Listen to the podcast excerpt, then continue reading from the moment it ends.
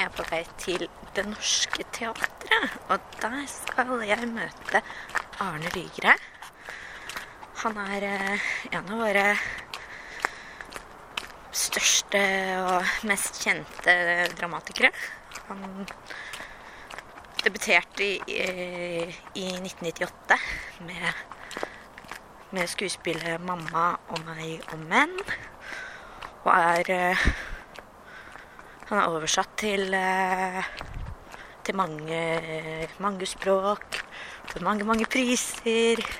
Spilles i Ikke hele verden, kanskje, men i, i mange land. Akkurat nå så har han et skuespill eh, gående på Det Norske Teatret som heter 'Tid for glede'. Hadde premiere i vår. Eh, og jeg må nok innrømme at å få lov til å møte Arne Lygre på Det Norske Teatret er noe er, er, er denne sesongens høydepunkt for meg. Så nå, skal jeg prøve å, å dekke til min, min barnlige glede. Skal, jeg skal få gå i rom i Det Norske Teatret der, der jeg ikke har vært før. Der publikum vanligvis ikke får gå. Det blir kjempespennende. Skal, men eh, men jeg har ikke lyst til å, til å bli en sånn fan. Eh, Så vi prates når jeg har tatt på meg den eh, profesjonelle maska.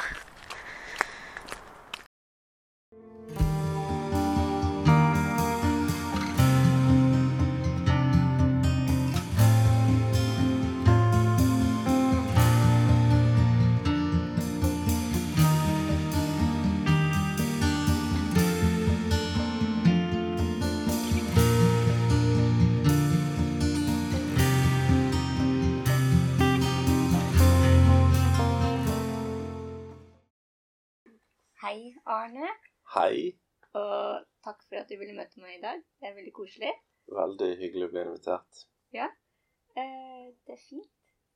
Jeg tenkte å begynne å spørre deg litt om bakgrunnen din. Eh,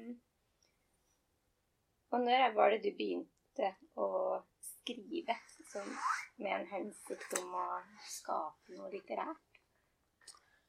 Det husker jeg eh, nærmest på øyeblikket. Ehm,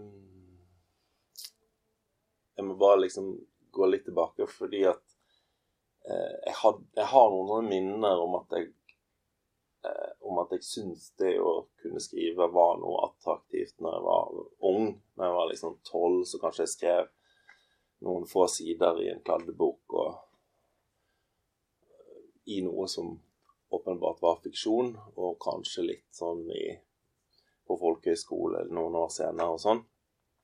Eh, men eh, for meg så fremsto det som noe helt sånn uoverkommelig, det å skulle bli forfatter. Så jeg Men jeg var veldig jeg var veldig på leiting i de der årene etter gymnaset og sånn, så jeg ville nærme meg et kunstmiljø, da. Og så ble det teater. Søkte på teaterskole. Jeg gikk på en sånn folkeskole med teaterlinje. Så det var liksom naturlig å søke på teaterskolen etter det. Og så gikk det eh, mye bedre enn jeg hadde trodd. Jeg kom, jeg kom helt til tredje prøve, som er liksom det siste, der hvor det er 30 igjen av 600, og så er det 10 som kommer inn. Og så kom jeg heldigvis ikke inn. Um, men jeg ble jo på en måte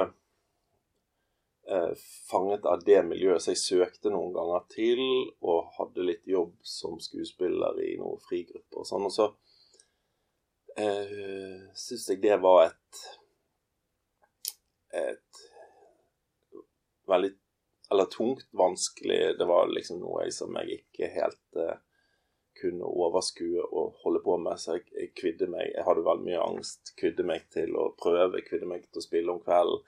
Så jeg husker i en sånn prøveprosess der på vei til et sånt prøvelokale, så i en sånn gatestubb så bare tenkte jeg nå skal jeg bare komme meg gjennom dette her. De månedene det tar å øve og spille det ferdig, så skal jeg begynne å skrive. Og det, det var egentlig sånn det skjedde, i typ 93. Så da var jeg 25. før jeg eh, på en måte konkret satte meg ned og, og tenkte at nå skal jeg gi dette mange, mange år. Jeg husker jeg tenkte sånn Hvis det ikke hadde skjedd noe innen to, år 2000, så, så skal jeg finne på noe annet. Men jeg skjønte at det kom til å ta lang tid å, å på en måte komme helt inn i, i et um, I min egen skrift, da. Mm. Uh, og, og, og hvor, ja, hvor den kunne bli noe annet enn enn bare noe spett, spede forsøk, liksom. Mm. Så Og det, sånn, det, det var egentlig det som skjedde. Så jobbet jeg eh, Jo, og så var jo grunnen til den lange innledningen var egentlig at eh, da hadde jeg liksom vært i teatermiljøet i i tre-fire år på dette tidspunkt. Eh, To-tre år. Og sånn at alle på en måte bilder i hodet ble, ble eh, dramatikk, da, eller sceniske. Eh, så kom jeg inn og Så derfor ble det dramatikk jeg skrev, da. Mm. Men hjalp det deg eh, når du skulle skrive dramatikk, å ha noe erfaring som skuespiller? Ja, sikkert. Eh, kanskje ikke akkurat å være skuespiller, for det var jo på en måte så lite. Altså Det var jo bare å søke på den skolen og øve inn noen få tekster, og så den ene jobben, og så en liten sånn TV-ting. Men eh, eh, Men det å eh, Det var vel mer det at jeg hadde sett veldig mye teater i de årene. Fordi jeg kom på en måte inn i et miljø hvor hvor alle ville bli skuespillere eller regissører eller ja, Ikke så mange dramatikere på det tidspunktet. Men eh, ja, så jeg hadde sett veldig mye eh, og begynt å tenke scenisk da, eh, i, i, i tekstønskene mine òg. Mm.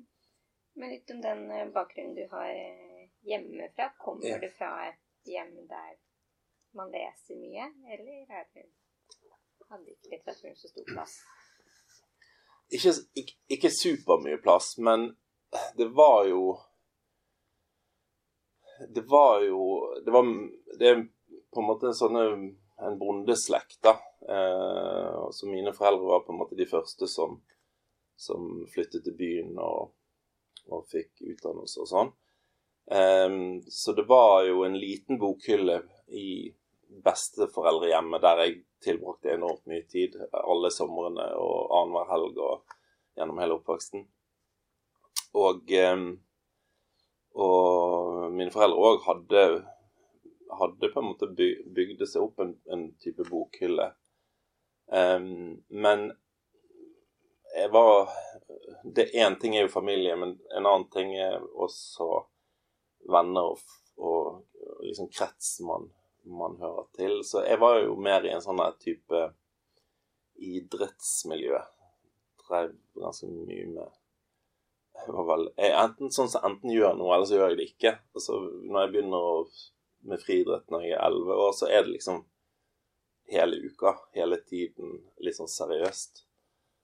Um, så nei, det var ikke så mye kunstopplevelse annet enn sånn Jeg husker mine foreldre var, eller min mor var opptatt av å ta meg med på teater og sånn noen ganger i året på DNS og sånn opp gjennom der. Uh, så det var jo Noe fikk man jo inn. Og så ble jeg ganske opp Jeg leste jo mye. Jeg likte å lese fra på barneskolealder, og så begynte jeg kanskje med litt voksnere ting. Eh, litt Altså sånn type Hellemyrsfolk av eh, Amalie Skram liksom i syvende og sånn. Eh, og mye, det var mye sånn krigslitteratur. Dette var jo på 70-tallet, så var det bare 25 år siden andre verdenskrig. Så i mine besteforeldre så var det veldig mye Hos, hos dem var det veldig mye uh, den type erindringsromaner uh, fra, fra krigens dager. da, Som jeg husker jeg leste mange, mange ulike bind, eller mange ulike bøker fra. Så det var egentlig det. Mm. Mm. Ja, men det har på en måte eh, selv om det ikke nødvendigvis lå i kortene at eh, kunst var noe man jobba med, så er det noe du hadde et forhold til. ja, ja, Det kan man si. Men ikke Ja. Men, men jeg opplever at det er på en annen måte enn noen av mine, de som jeg har møtt i voksen alder, som kommer mer fra en fra en litt annen sånn kulturell bakgrunn, da. Som, hvor man har blitt utsatt for det mye mer enn enn det jeg har. Ja. Ja, det kan jeg. Kommer jo fra en sånn bakgrunn der alle er norsklærere og sånn, så jeg Ja, har jo ja. sånn input sånn sett. Ja, ikke eh, sant.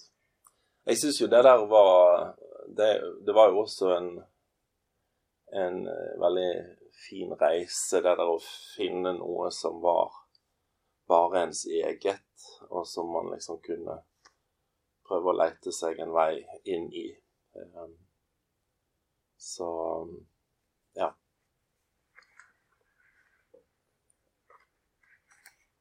Men eh, om å skrive dramatiske tekster, for det Du skriver jo også prosa. Ja, Har gjort, i hvert fall. har gjort. Ja. Ehm, eh, det er jo ikke sånn at jeg har lagt det på hylla helt, men jeg har jo hatt en litt annen, eller motsatt vei av veldig mange andre som også mm, både skriver dramatikk og prosa. Og det er at jeg begynner med dramatikken, så jeg har jo Det er ikke mange debutanter som gjør det. Nei, det var jo helt spesielt. Og, jeg, og det var veldig spesielt at eh, At eh, jeg var veldig opptatt av Og det der tror jeg jeg skjønte ganske tidlig. Jeg var veldig opptatt av at eh, mitt verk var på en måte boken og litteraturen, og så teaterforestillingen. Det er den kunsten som kommer på bakgrunn av min bok, eller på bakgrunn av min kunst. Altså det, det er noe annet enn det som jeg gjør. De har tilført veldig mye som eh, Hvis noen gjør det, så blir det seende sånn ut, og hvis noen andre gjør det, så blir det seende annerledes ut. Altså at litteraturen min skal tolkes i et nytt ledd. Sånn at eh, i tillegg til i de der årene hvor jeg, hvor jeg skrev eh, på mine første verk, så var jeg veldig opptatt av at det, de skulle sendes til både teatrene og til forlagene.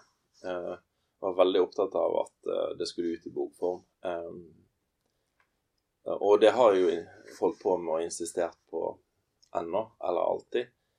Eh, rett og slett fordi at det er sånn mitt verk eksisterer i verden, Mm. som bok.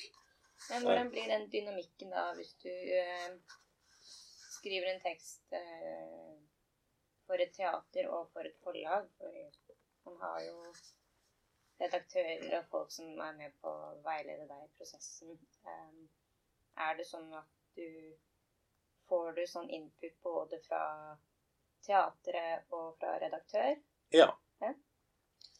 I prinsippet så er det eh, eh, eh, Altså eh, I begynnelsen av karrieren så er det litt sånn at du skriver på spekk, som man kaller det. At du man, man bare setter seg i gang og, og, og jobber frem et arbeid, og så prøver man å sende det til teatret og eh, til forlag, da. Um, og så Men etter hvert så har, er det mer sånn at eh, man får et såkalt åpent bestillingsverk på et teater. Eh, vi har en, en, en periode her som er ledig. Den og den regissøren vil du skrive til det. Eh, og, hvis, og så sier jeg ja, og, så, og det er kanskje sånn halvannet til to år frem i tid. Um, og så begynner jeg å jobbe, og, og da er på en måte eh, dramaturgen på teatret og redaktøren på forlaget um, de to som jeg liksom henvender meg til. Men jeg er ganske sånn autonom veldig lenge. Jeg skriver nesten et år før jeg viser noe som helst til begge deler. Til, til begge. Em, og så er det nok kanskje litt sånn at det går til teatrene først, fordi at um, der er det så mange De prosessene er mer omstendelige, for da uh, skal på en måte den regissøren som er sett satt ut, den skal jo også ha et valg om å takke nei når de ser hva som holder på å skje. Uh, for, for vi er jo ikke bundet på Dette er jo en, dette er jo en åpent bestillingsverk som man kan liksom avslutte hvis ikke Hvis vi ikke liker hverandre lenger. Altså re- regissør og meg, på en måte. Mhm. Så Jeg har lyst til å spørre om det skjer ofte. Men eh, eh, Nei, det har ikke skjedd eh, med meg ennå. Men, eh, men, men jeg er veldig opptatt av å, å poengtere at det kan skje. Eh, og, og, og jeg er i en sånn prosess nå om noe som skal skje om en stund, hvor de akkurat holder på å lese. Eh, liksom et slags rått førsteutkast som ikke er helt i mål. Det er liksom på sånn 80 altså Siste scene er, er liksom ikke nede ennå. Men eh, eh, rett og slett fordi at jeg vil jo hele tiden ha mulighet til å Eller er veldig opptatt av å hele tiden utvikle formen og, og presse den i en eller annen retning.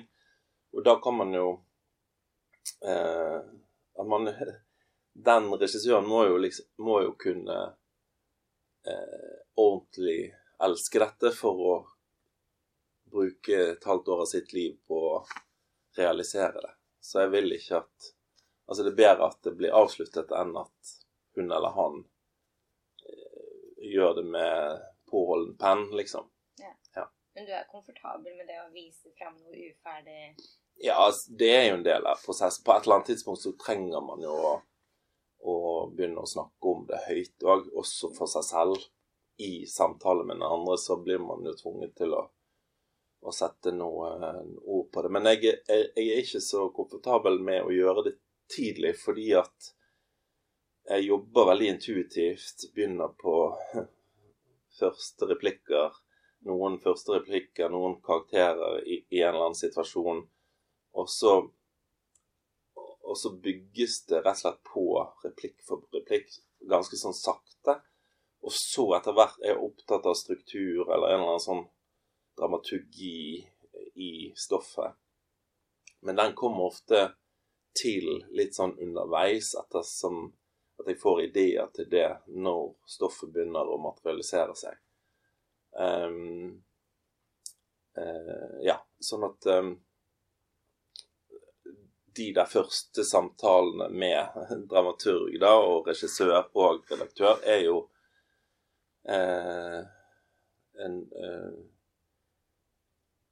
ekstremt nyttig. Mm. Altså, og helt avgjørende. Ja. Men tenker du at eh, å skrive dramatiske tekster krever noe annet enn å skrive prosa? Ja. Mm. Det, det tror jeg. Altså, det, det er det er på en måte en helt annen kunstart, som er basert på noe av det samme forelegget, altså tekst, men det har liksom sin indre, eller sin egen logikk. Tekst, for eksempel i en, altså i teatret så,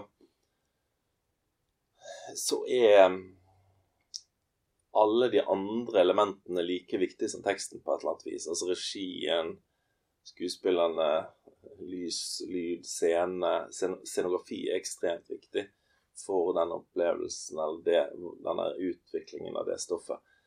Um, sånn at eh, Jeg bare tenkte jeg skulle gå bitte litt tilbake til de to leserne, altså dramaturgen på teatrene og redaktøren. De ser ganske forskjellige ting. Altså Dramaturgen er mer opptatt av hvordan dette stoffet virker i møte med et publikum. De er mer sånn bevisst em, eh, setting det skal inn i.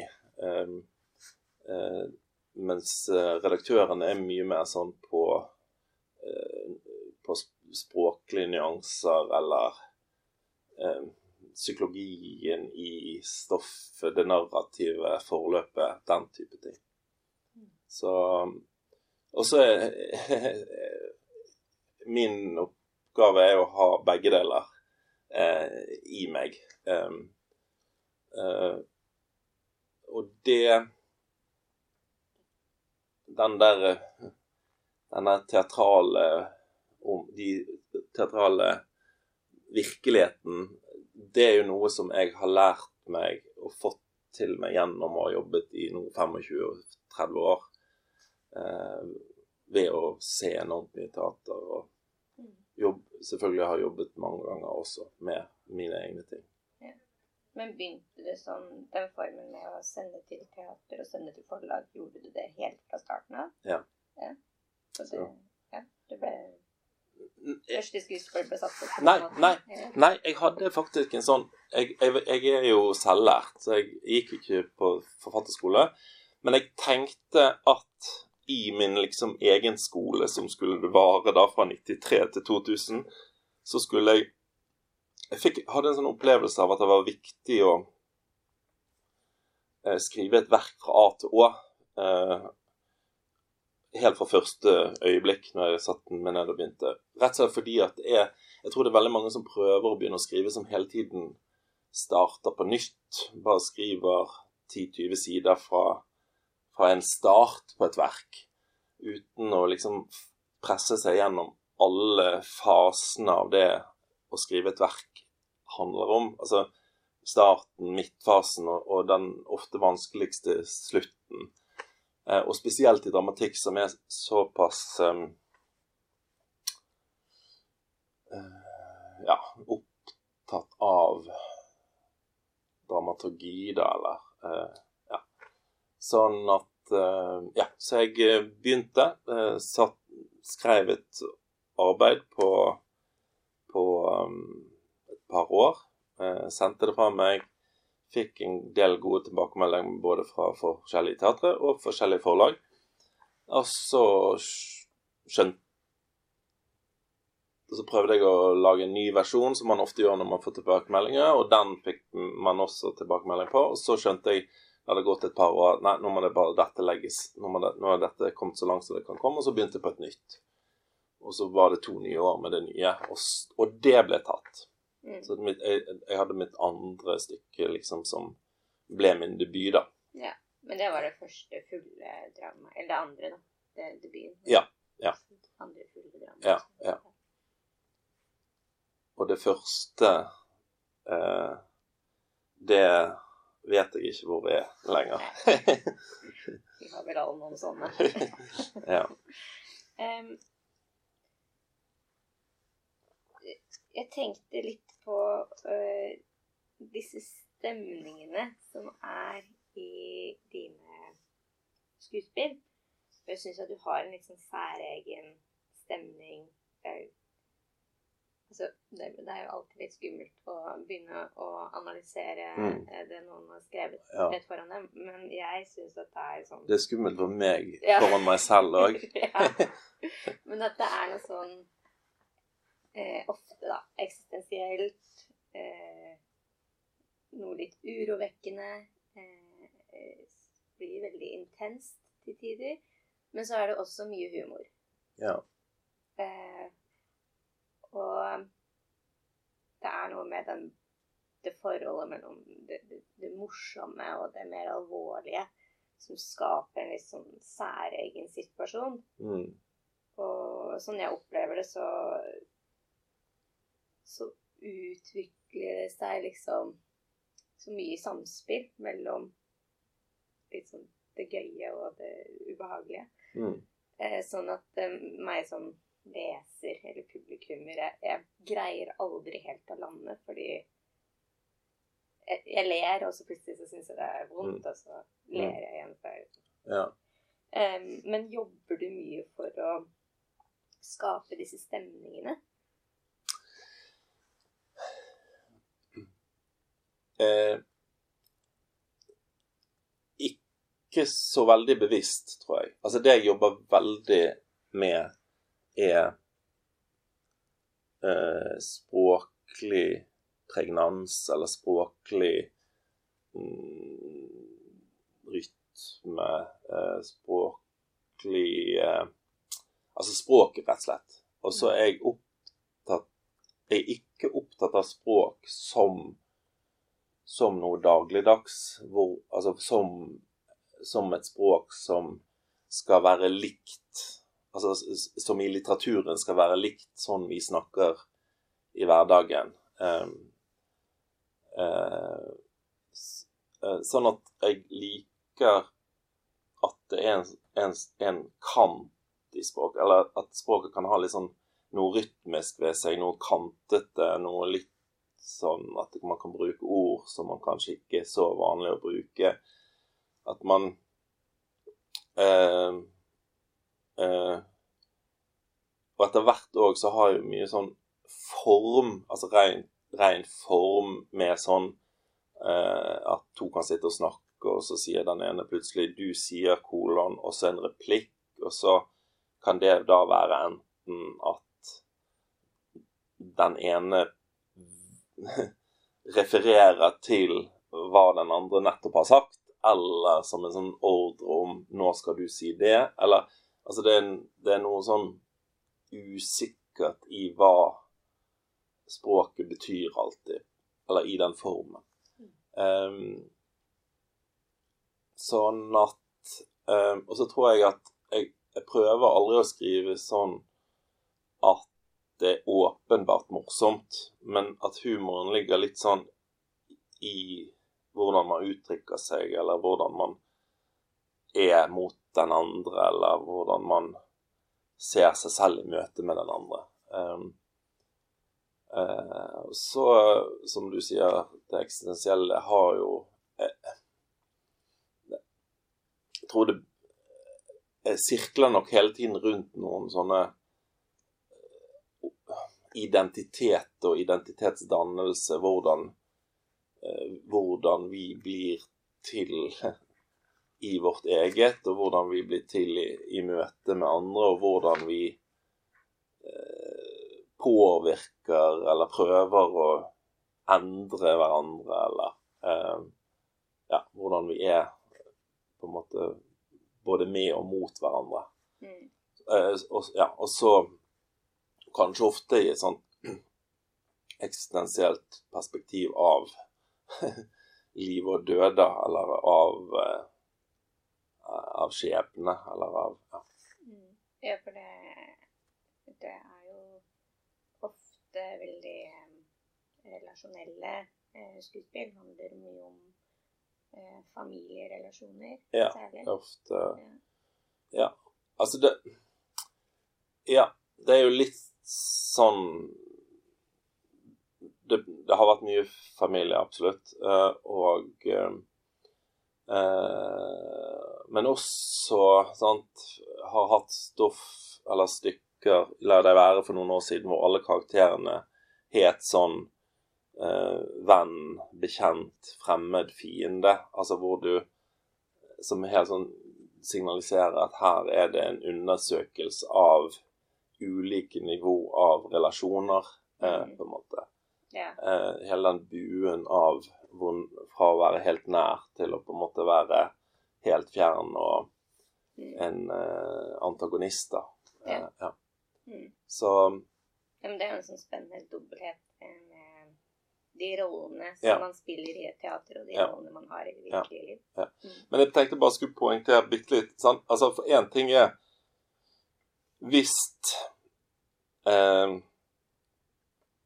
uh, i en tekst, da, eller i en, av stykkene mine, så, så kan det jo være uh, sånn at man, man, leser, og så humrer man bitte litt av en eller annen replikk, og så leser man på en måte mer med, Jeg leser ofte mine stykker med, med litt mer alvor enn en det det kan bli satt opp som. Eh, fordi at teatret er jo flink til å poengtere nyansene på en sterkere måte enn man gjør som leser. Mm. Og f.eks. sånn i Tid for glede, da, som vi er på Det Norske Teatret nå, og de spiller jo det her oppe eh, ennå. Eh, og da har jeg f.eks. Jeg, jeg har veldig mye det, Stoffet mitt er veldig replikkdrevet. Det er egentlig bare det er egentlig bare dialog som, som løper, og så noen enkle sceneanvisninger. Um, og så står det to steder 'Hun synger en popsong'. Og så eh, den som er sammen med henne, datteren, lytter til det og legger seg på og synger med. Og da, jo, da er det jo eh, Altså, dramatisk stoff skal jo tåle veldig mye eh, ulike måter å iscenesette det stoffet på. Fordi at det, det kan jo gjøres dypt ironisk å synge den popsangen eh, i en iscenesettelse, eller helt nedpå alvorlig og sårbart. Men stoffet skal på en måte tåle begge løsninger, fordi at som forfatter så er du aldri til stede i det rommet og styrer hvordan de andre kunstnerne velger å tolke stoffet. Mm. Så det er jo både det mest sårbare med det å skrive dramatikk, eh, eller det mest sånn Det som man har minst påvirkning på, men også en helt sånn utrolig givende ting da, med, med å skrive dramatikk, at, at stoffet eh, oppstår på nytt flere ganger i nye produksjoner. Mm. Ja, men det er også eh, noe som er, er annerledes for eh, dramatikk, da. Det at eh, det er jo et redskap for noe annet igjen. Ja. Med romaner og diktutgivelser. Det, det kommer til en enkelt leser, og så Ja. blir det der. Ja. Gjerne. Det er sjelden det Ja. gjøres noe med det. Men Og selv i en oversettelse til et annet språk, så er det jo en tilnærmet lik Altså da har du bare det skisma mellom originalverket og oversettelsen som er forandret. Altså som alt Altså man klarer aldri å over... Altså det er aldri helt likt en oversettelse. Det er jo en gjendiktning av og til. Et element av gjendiktning i oversettelser òg. Men i, i dramatikk så har jo du Altså du Hvis stykkene mine blir jo spilt en del i utlandet, og da har du jo det at det skal oversettes og aldri blir helt likt originalen, men, men du får også en helt For det første får du den kultur, teaterkulturen som fins i det landet, som eksempel da England, Tyskland, er sånn vidt, vidt forskjellig. Uh, det engelske teatret er jo veldig sånn uh, eh, naturalistisk. eh, realisme er, står høyt i kurs. Altså ekte mennesker på scenen. Nå tok jeg hermetegn i, i, eh, i luften her. Um, mens um, det tyske teatret er mye mer sånn ekspresjonistisk og eh, tar karakterene ve veldig langt ut i, i svingene. Mm. Så um, ja, sånn at eh, det er jo um, Ja, sånn at eh, teksten Det er derfor det er så viktig for meg at teksten er Altså bok, boken er på en måte mitt verk, da. Og så er det den som reiser og møter Mm. eh, de ulike teatrene og de ulike kunstnerne som skal jobbe med det. Ja. Men eh, når eh, eh, teatret, eller ja, noen teatre i Norge eh, setter opp dine eh, skuespill, er du noe særlig involvert i den prosessen etter at du er ferdig med å skrive? Sånn i øvinger og sånn?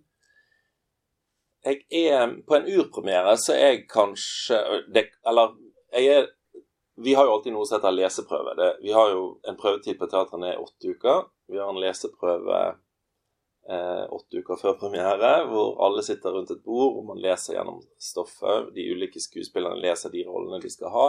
Regissøren er der, eh, legger frem konseptet sitt. En scenografen er der, vi får se modellen av scenen og sånn. Um, og um, på en urpremiere da så har jeg gjerne deadline på uh, boka et par uker etter det. Sånn at hvis jeg opplever noe som skurrer bitte litt for meg i, på helt sånn små språklige nyanser når jeg hører skuespillerne lese om igjen og om igjen eh, i løpet av de første dagene der, så kan jeg justere bitte litt og be si at kan du justere litt her, eller Og, og denne gangen eh, på Tid for glede, så eh, Det var jo i fjor på, på dette tidspunktet. Da opplevde jeg at en av bikarakterene hadde litt lite uh, stoff i én scene. Og så satt jeg og grublet på det mens de leste, og så gikk jeg hjem, og så våknet jeg midt på natten uh, neste dag og bare åh, nå vet jeg hva som skal inn her. Så skrev jeg en lang monolog um, som bare kom til på en, et par timer der fra fire til seks. Og så tok jeg med den eh, og, ba de lese den inn i der den hørte til. Eh, og, det, den kom med eh, da. Eh, og det, det hadde ikke skjedd hvis ikke jeg hadde vært en del av, eh, eh, av eh, eh, de første prøvene der. Eh, og eh, sånne ting kan også være bitte litt farlig, fordi at plutselig kan man gjøre ting som ikke er så godt grunna. Ja, det blir Eh. Det blir for impulsivt, og man, man, og man kan legge seg på akkurat den konteksten som er i det, i det ensemblet der. Um, men, men denne her er jeg sånn sjeleglad for jeg tok med, for jeg syns det er et utrolig fint parti. Mm. Så hver gang jeg kommer til den Jeg har jo sett det noen ganger, så er jeg liksom glad eh, Mm. for at det skjedde. Men hvordan er det sånn å Alle de valgene som eh, eh, regissør tar, og eh, kostymedesigner og eh, hele pakka Alt som blir gjort som du ikke har noe ja, kontroll over eller formening om. Hvordan er det å se det ta form? Nei, Det er jo den der dialogen som vi har, men min filosofi er jo å være fullstendig åpen på det.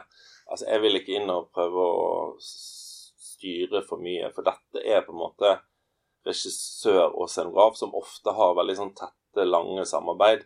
Veldig ofte sånn at regissør og jobber med de samme scenografene om igjen og om igjen. Um, uh, sånn som denne gangen så tror jeg at eh, i Tid for glede så, så er det jo sånn eh, veldig sånn naken scene med en, en, en søyle eh, og rokokkokostymer. Og jeg tror at det var inspirert Altså at de regissører og scenograf ble inspirert av en tidlig versjon av stoffet som de leste på en måte et år før eh, stykket ble ferdig. Eh, hvor jeg hadde en sånn eh, alle, skues, alle skuespillerne, eller karakterene, i første del hadde samme navn som skuespillerne hadde privat. Og i andre del så hadde alle sånn gresk mytologisk navn. Eh, for alle spiller to karakterer.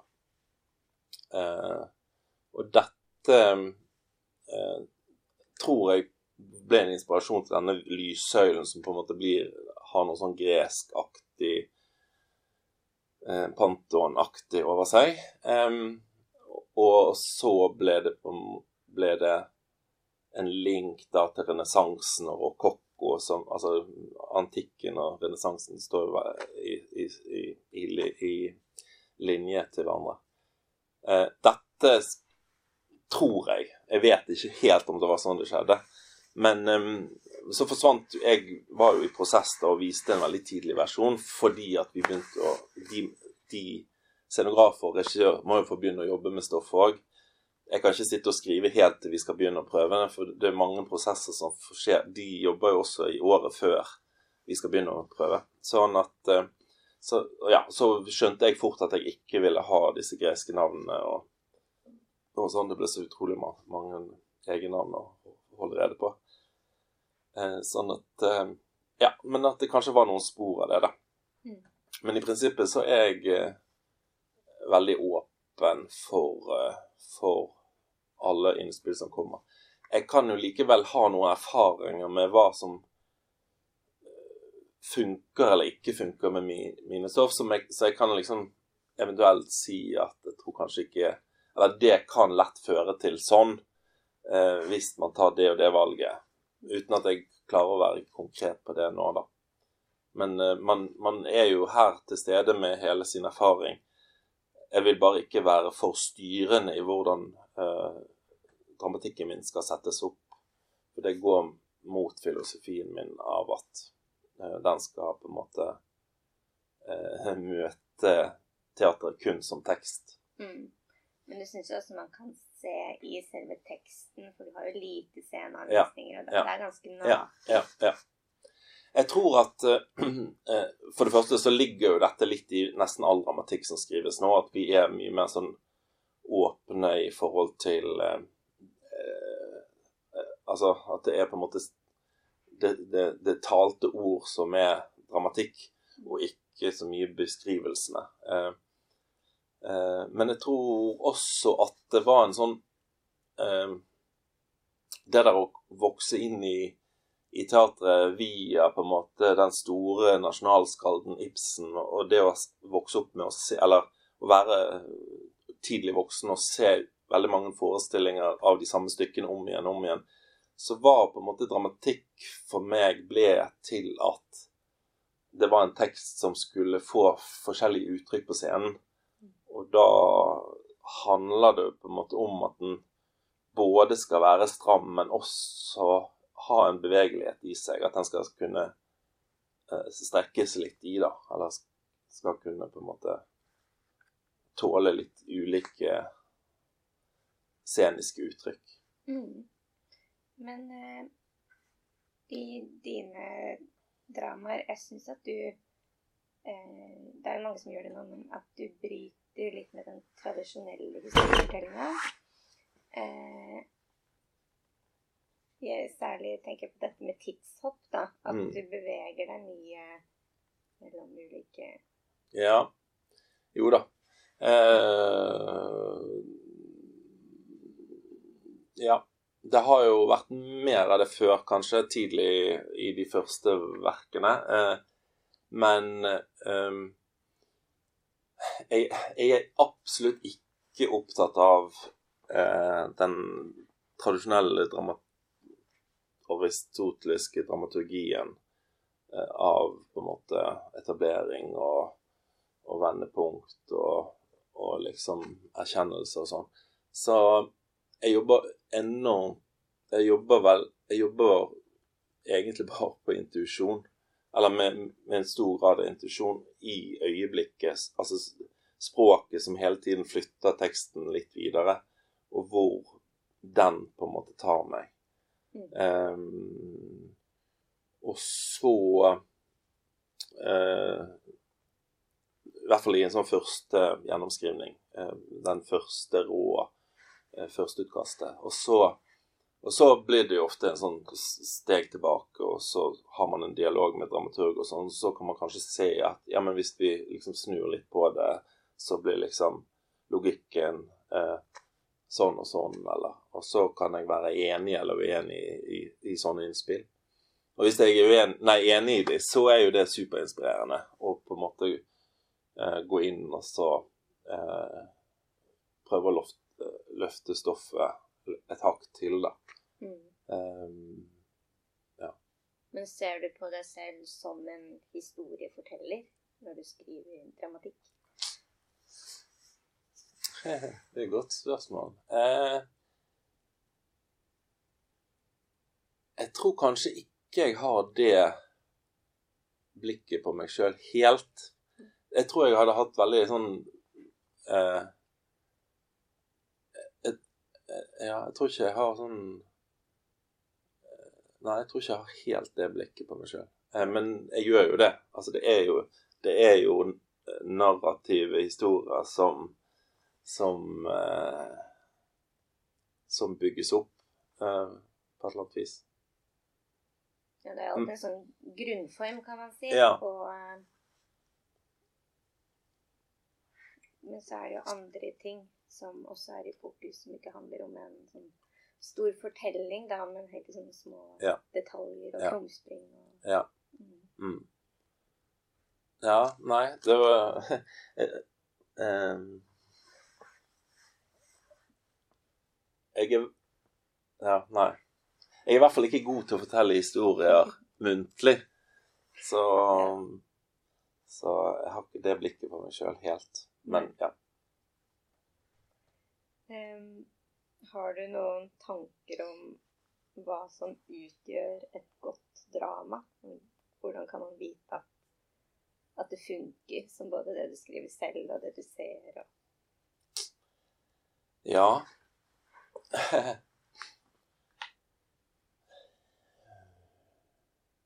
Det er jo litt vanskelig. Jeg har en sånn opplevelse for min egen del, hvis vi skal begynne der.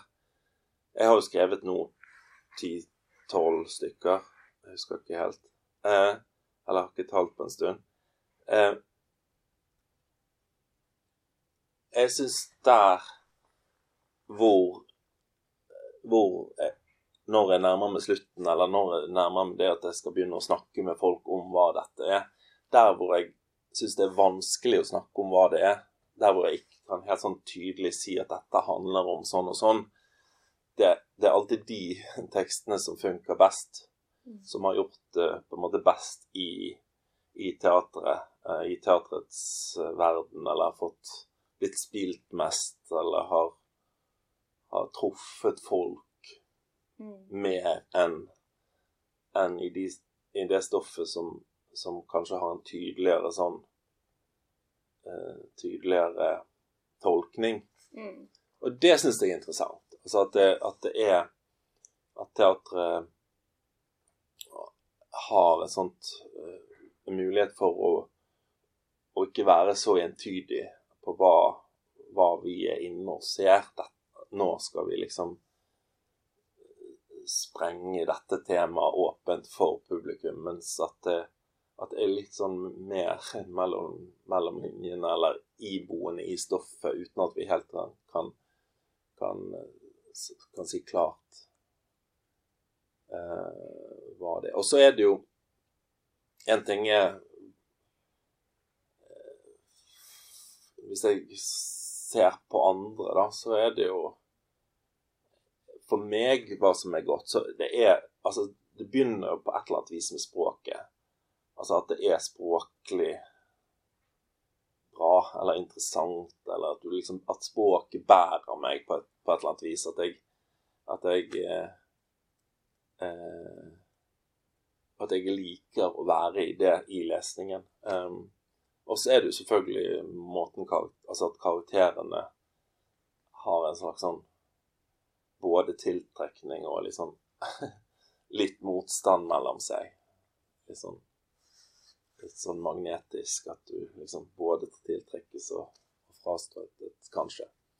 Um, men så er det jo teatret, og da, altså når det skal på scenen, som er liksom Da er det jo Da er det jo helheten. Da, da, da må det jo plutselig være et godt rom, en interessant regissør. Så veldig mange regissører har jo etter hvert en, et uttrykk eller en, en, form som de utforsker. Så det er jo møtet mellom den Man kan jo se eh, linjer fra en regissør som selv om de jobber med vidt forskjellig stoff gjennom to års tider, f.eks., så ser man ofte linjer i, i uttrykket likevel.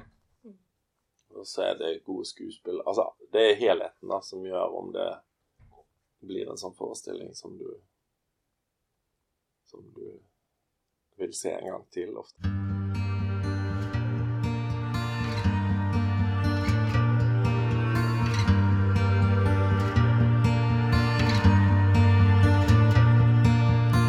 Jeg er det siste håp.